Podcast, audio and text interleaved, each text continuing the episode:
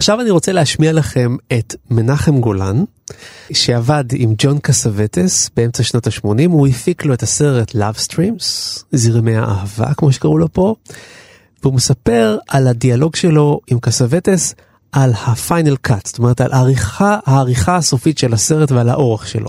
תקשיבו. with John Cassavetes brought me a two hours and 15 minutes movie, Love Streams. I had the right to cut it. I told John, John, I think 15 minutes the movie can suffer. Go and cut out 15 minutes in the middle, and you will see we'll get a much better movie. He says, Menachem, it will be done in the next two days. Two days later he came, and the movie was two and a half hours. And I said, John, you added 15 minutes. He said, but it's but it's shorter, nevertheless. I said, John, you're a genius. What can I tell you? I will not argue. We'll go out with your cut. כן, רק נגיד למאזיננו, שמנחם גולן מספר שג'ון קסווטס הגיע אליו עם סרט של שעתיים ורבע. והוא אמר לו, תשמע, אולי מנחם גולן אמר לו, תחתוך רבע שעה, הסרט יכול לעבוד יותר חזק. קסווטס אמר לו, אין שום בעיה, תוך כמה ימים זה מסודר. הוא חזר אחרי כמה ימים, הסרט היה ארוך ברבע שעה. אז מנחם גולן אמר לו, אבל אמרתי לך לחתוך החוצה רבע שעה. אז קסווטס אמר לו כן אבל זה מרגיש קצר יותר עכשיו. אז מנחם גולן עם כל האופי המסחרי שלו אמר אתה יודע מה ג'ון אתה כל כך מבריק שאני נותן לך ללכת עם מה שאתה רוצה. כן, אני חושב שמנחם גולן אה, ידע לזהות, כאילו, את הגאונות שלו, ובאמת אה, זה גדולה של בן אדם שעשה באמת סרטים אחרים מסחריים, ובכל זאת, אה, כאילו, התחבר לדברים האלה.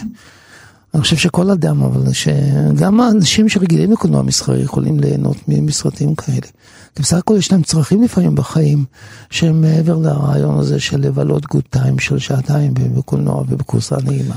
אז זה המקום לשמוע שמע, אבל זה עדיין, אז זאת עדיין אני משימה. מרגיש את עצמי כאילו אני מטיף כל הזמן לראות את קסווטס. תראה, למרות שהעולמות בסינמטק היו מפוצצים באנשים שבאו לראות את אנשים קסווטס, יצאו באמצע. אנשים גם יצאו באמצע. טוב, זה לא קל לכל אחד. נו, ברור, ברור. כן. אז מה, אני ראיתי ש-50% מהאנשים אה, בפספינדר יעזבו את העולם.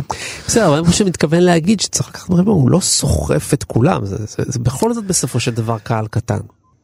יש להעריך את אלה שהגיעו וניסו, ועכשיו יש להם מושג מה הם ראו, ויכול להיות שהם ינסו שוב. ככה זה עובד. זה באמת, אה, אתה יודע, זה, זה נחלתם של המעטים, אבל גם יש תמורה, יש תמורה למאמץ. יש תמורה למאמץ בצפייה בסרטים שלו. אני יכול להגיד לך שיכול להיות שזה עניין של התפתחות, זה עניין של אה, אה, הנקודה שאתה נמצא בחיים שלך, מידת הניסיון שלך והפתיחות שלך לצורות קולנועיות, אה, אה, צורות אומנותי- אומנותיות אה, שונות וכן הלאה. אצל כל בן אדם זה אחרת, זה קורה בזמן אחר וכן הלאה. אה, נחמן דיבר על זה שב, שהצעירים מחבבים את קסווטס. האמת שזה הפתיע אותי מאוד. אותי. זה הפתיע אותי מאוד. אני חושב שאני אישית יכולתי להעריך את קסווטס רק אחרי גיל 35-40. אבל אתה יודע, זה, זה נהיה יותר ויותר מוקדם ככל שעוברים הדורות, והיום אנשים מתבגרים יותר מהר כנראה. I know you're no good, Virginia.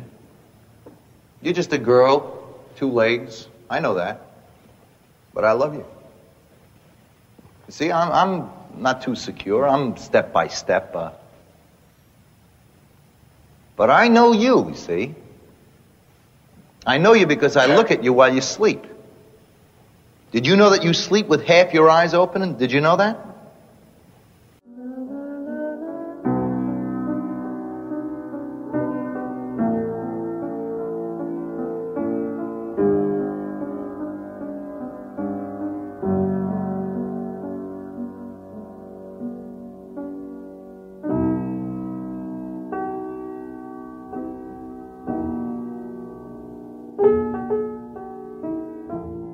כשמסתכלים על קסווטס בהופעת המשחק שלו, למשל בסרטים אה, נוספים, סרטים אמריקאים אחרים, אה, וגם אה, בפרק הזה של קולומבו, שבו הוא משחק את הרוצח, מעניין לראות שהוא מצליח לשחק בשני הצדדים של המגרש.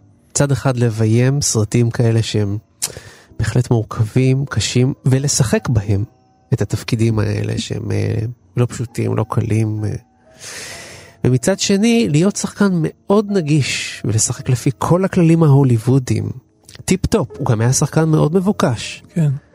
80 סרטים זה לא מעט. אבל אתה יודע, הוא מביא את המס ערך מוסף שלו. כלומר, גם לתפקידים הסטנדרטיים ההוליוודיים, הוא מביא, וגם על כך דיבר נחמן בצורה מעניינת, אינטנסיביות, שהיא לא מובנת מאליה בקולנוע מסחרי. אז הקולנוע המסחרי הרוויח פעמיים. מצד אחד, אה, קיבל בן אדם ששיתף איתו פעולה עם ה... עם ה... אומנות המסחרית, ומצד שני, הביא לו איזושהי רמה גבוהה יותר של דבר. אני חושב על סרט שהשפיע עליי אני יודע על מה מאוד. אתה, הרוצחים. נכון. דון סיגל. נכון. נכון? ובכן, דון סיגל עשה סרט על פי המינגווי, הרוצחים. 1964. 1974 עם לי מרווין אה, בת- בתפקיד הרוצח, ועם, אה, ועם ג'ון קסווטס בתפקיד הקורבן. ואתה יודע מי עוד מופיע בסרט הזה? רונלד רייגן. רונלד רייגן, נכון, רונלד מופיע בסרט הזה, וסרט זה סרט, זה כמו סרט עשוי לפי נוסחה הוליוודית ידועה, וזה סרט פילנואר אמריקאי. הסרט הזה גם, אה, כל כך אהבתי אותו, כתבתי עליו גם אחר כך אה, כמה דברים בספר שלי על, ה, על הבלש כגיבור תרבות, ומה שאפיין את הדמות שהוא גילם שם, בתוך ה, כבר מנגנון לא של הסרטים העצמאיים שלו, אלא של המנגנון התקני, זה דמות שהיית- של רוצח אה, שהוא בעצם קורבן. או אדם שמשתתף בתוך פשע ורק נלכד בתוך מערכת שלמה של פשע שממנו הוא לא יכול לברוח ובסוף מוציאים אותו להורג. כאחרון המסכנים, ממש יורים בו למוות. וכשהוא חשוף לגמרי עם הגוף שלו מקבל על עצמו את הזה. שוב ראיתי את הדמות שמשחקת את הפגיעות, את הגוף העירום שלא יכול להסתתר מפני הכדורים של הרוצחים. יש עוד משהו, המראה שלו.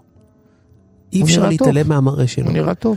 מעבר לזה שהוא נראה טוב, ברור, חתיך מאוד. זה גם עבד לטובתו בהוליווד. אבל יש בו גם מראה שיכול להתאים לשני הצדדים.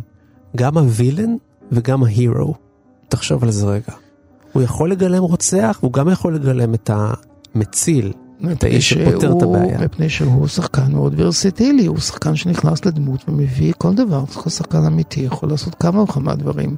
כן. אני חושב על, אה, שגם כשהוא מדבר על רוצח, הוא חושף את הפגיעות של הרוצח. לרוצחים גם יש רגישות, אנחנו שוכחים שהרוצחים הם בני אדם. ויש להם, אה, אנחנו בדרך כלל לא אוהבים לדבר על הרגישות של רוצחים, כי זה נראה לנו לא, לא יפה ככה לדבר. כן. מדברים על רגישות של הקורבנות. אבל גם רוצחים יש להם כאלה. בכל מקרה, רגישות היא רגישות, פגיעות היא פגיעות, והיכולת להחצין רגשות מול מצלמה יתקיים גם בקולנוע מסחרי וגם בקולנוע אישי מהסוג שדיברנו עליו.